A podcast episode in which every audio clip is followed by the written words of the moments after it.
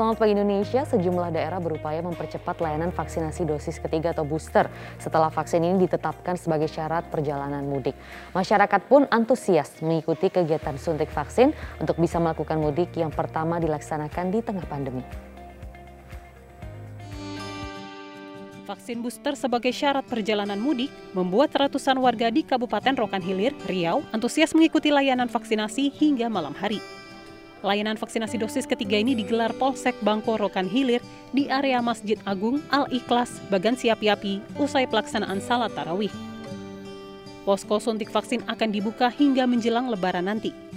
Kegiatan ini akan kami lanjutkan uh, mungkin untuk uh, setiap malam berikutnya gitu ya. Tapi untuk lokasi mungkin kami akan select uh, untuk bukan di tempat satu masjid di Al Ikhlas, mungkin masjid yang lain yang masyarakat yang uh, diprediksi yang masih banyak yang belum melaksanakan vaksin.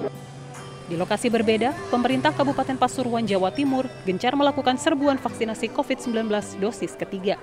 Kegiatan vaksin dilakukan di salah satu lokasi tempat wisata di Kecamatan Prigen dengan jumlah sekitar 500 dosis vaksin termasuk dosis tahap 2. Kegiatan vaksinasi untuk menciptakan mudik sehat dan nyaman pada lebaran tahun 2022. Kegiatan vaksinasi sengaja dilakukan pada malam hari dengan pertimbangan antusiasme warga yang lebih tinggi pada malam hari. Layanan vaksinasi dosis ketiga atau booster juga dilaksanakan di daerah istimewa Yogyakarta untuk pertama kalinya. Vaksinasi booster yang digelar di salah satu masjid di Kabupaten Sleman dilaksanakan hingga malam hari usai pelaksanaan salat tarawih. Total sekitar 400 orang warga mengikuti layanan vaksinasi ini dengan harapan selain untuk menggenjot capaian vaksinasi, juga sebagai persyaratan mudik lebaran. Rencananya kegiatan ini akan terus dilakukan meski di bulan puasa dan akan dihentikan pada lima hari menjelang Idul Fitri. Kita support ya eh, kegiatan eh, umat Islam untuk eh, bisa beribadah dengan situasi sehat, kemudian nanti kita bisa lebaran dalam kondisi yang baik dengan imunitas yang baik sehingga kita bisa bertemu dengan sanak keluarga dan menyelenggarakan sholat Idul Fitri ya yang sudah lama kita tunggu nih, kita rindukan berjamaah. Ya, kereta api memang menjadi salah satu moda yang dipilih warga untuk melakukan mudik lebaran nanti. Lalu sejauh apa kesiapan dari moda transportasi ini? Kita sudah terhubung dengan rekan kami Marcelina Tumondo yang saat ini berada di Stasiun Gambir, Jakarta.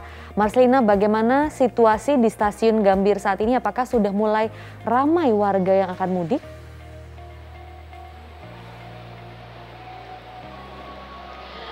Selamat pagi Maria dan pemirsa. Saat ini situasi di Stasiun Gambir Jakarta memang sudah didatangi oleh sejumlah calon penumpang. Uh, terlihat saat ini uh, aktivitasnya adalah sejumlah penumpang hendak masuk ke area peron. Dan masih ada beberapa penumpang yang saat ini menunggu di area tunggu. Kalau secara jumlah memang kami masih menanti data secara resmi dari pihak PT KAI akan tetapi berdasarkan keterangan dari pihak stasiun Gambir saat ini situasinya atau jumlah penumpang ini uh, sedikit mengalami peningkatan dibandingkan beberapa hari sebelumnya, tetapi secara keseluruhan situasinya masih cukup kondusif. Kalau dari pantauan kami saat ini meskipun pemerintah juga sudah secara terbuka menyatakan atau mengizinkan masyarakat untuk mudik, akan tetapi tentunya perlu untuk tetap menerapkan protokol kesehatan. Seperti bisa dilihat di sini masih uh, dipasangi uh, sejumlah marka atau tanda bagi para penumpang di stasiun Gambir ini untuk bisa tetap menjaga jarak. Kemudian setiap penumpang juga tetap diwajibkan untuk mengenakan masker. Kemudian berdasarkan uh, pernyataan juga dari pihak uh, PT KAI, tepatnya dari daerah operasional 1, bahwa untuk di musim mudik lebaran tahun 2022 ini memang ada sejumlah uh, estimasi ataupun catatan seperti di antaranya uh, untuk puncak arus mudik terutama yang menggunakan kereta api jarak jauh ini diperkirakan adalah 10 sampai 7 hari sebelum uh, lebaran atau sebelum tanggal 2 atau 3 April 2022 mendatang. Kemudian juga uh, untuk destinasi atau tujuan yang paling menjadi favorit dari para penumpang kereta api jarak jauh ini adalah sejumlah kota dan kabupaten di wilayah Jawa Tengah dan Jawa Timur. Dan selain itu untuk uh, keamanan dari stasiun Gambir ataupun stasiun-stasiun lainnya di daerah operasional satu ini juga sudah disiapkan selama masa mudik lebaran ini. Di antaranya pihak PT KAI menyiapkan sebanyak 610 personil gabungan untuk bisa mengamankan dan juga memberikan arahan bagi para penumpang selama melakukan mudik di masa pandemi dan juga menjelang Hari Raya Idul Fitri nanti. Maria. Marcelina, lalu bagaimana dengan penjualan tiket kereta api?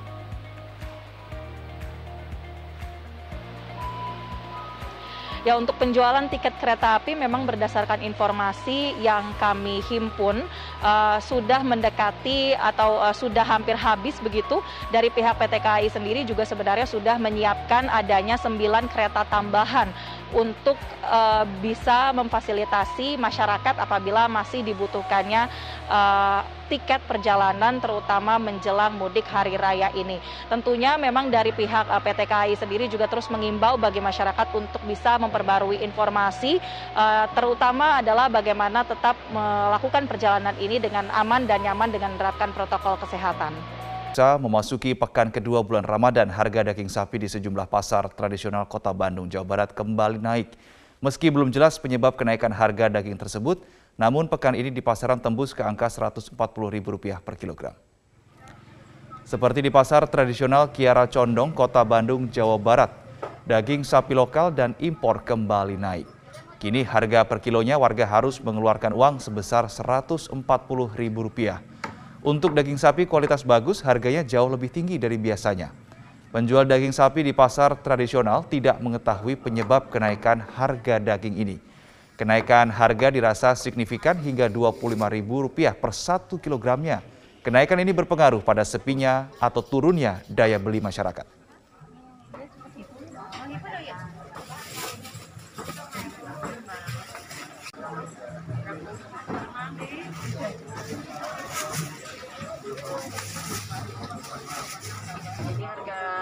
Biasanya 12 jadi 14, yang 13 jadi 15. Oh, itu Jadi sekarang harga potong sapi itu dari dulu bisa harga 99 ribu apa sih?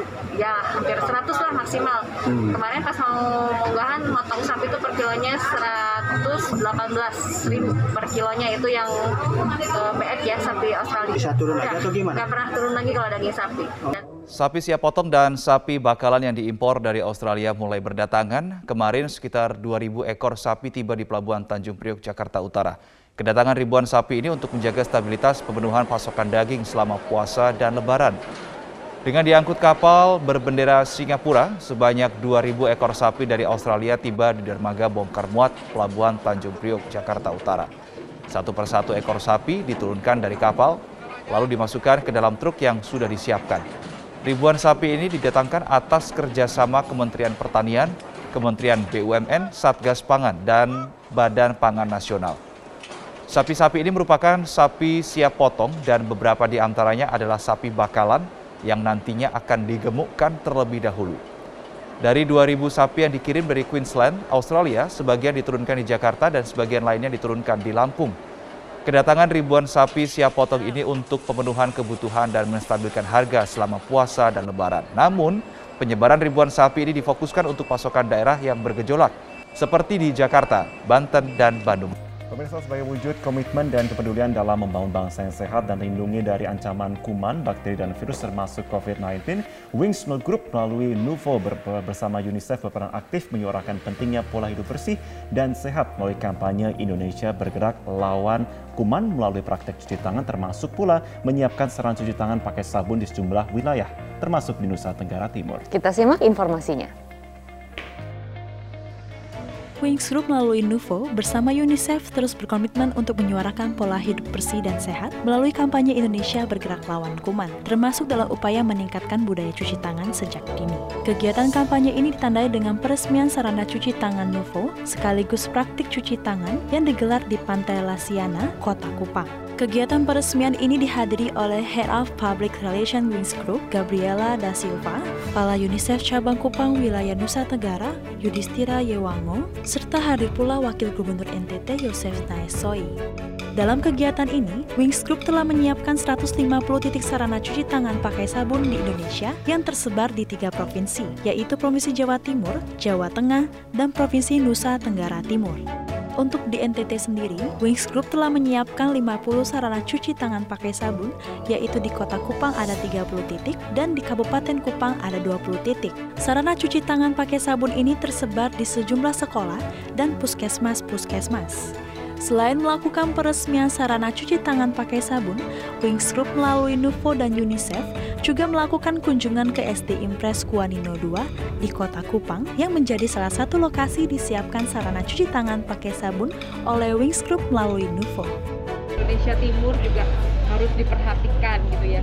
Baik selama ini memang uh, kami juga memang ada kegiatan sosial yang di sini, cuman lebih kepada ke pembangunan gitu ya, ke pembangunan sekolah di Sumba, pembangunan sekolah di berbagai macam tempat di uh, eh, NTT gitu. Tapi karena melalui UFO Indonesia Bergerak Lawan Kuman ini, jadi kita semakin kolaborasi dengan semakin banyak pihak, pemerintah, swasta, NGO dan semuanya, dan dari anak-anak kan untuk uh, mencuci tangan pakai sabun dan ini juga menjawab program pemerintah untuk mempercepat sanitasi di Indonesia Timur dan menuntaskan angka.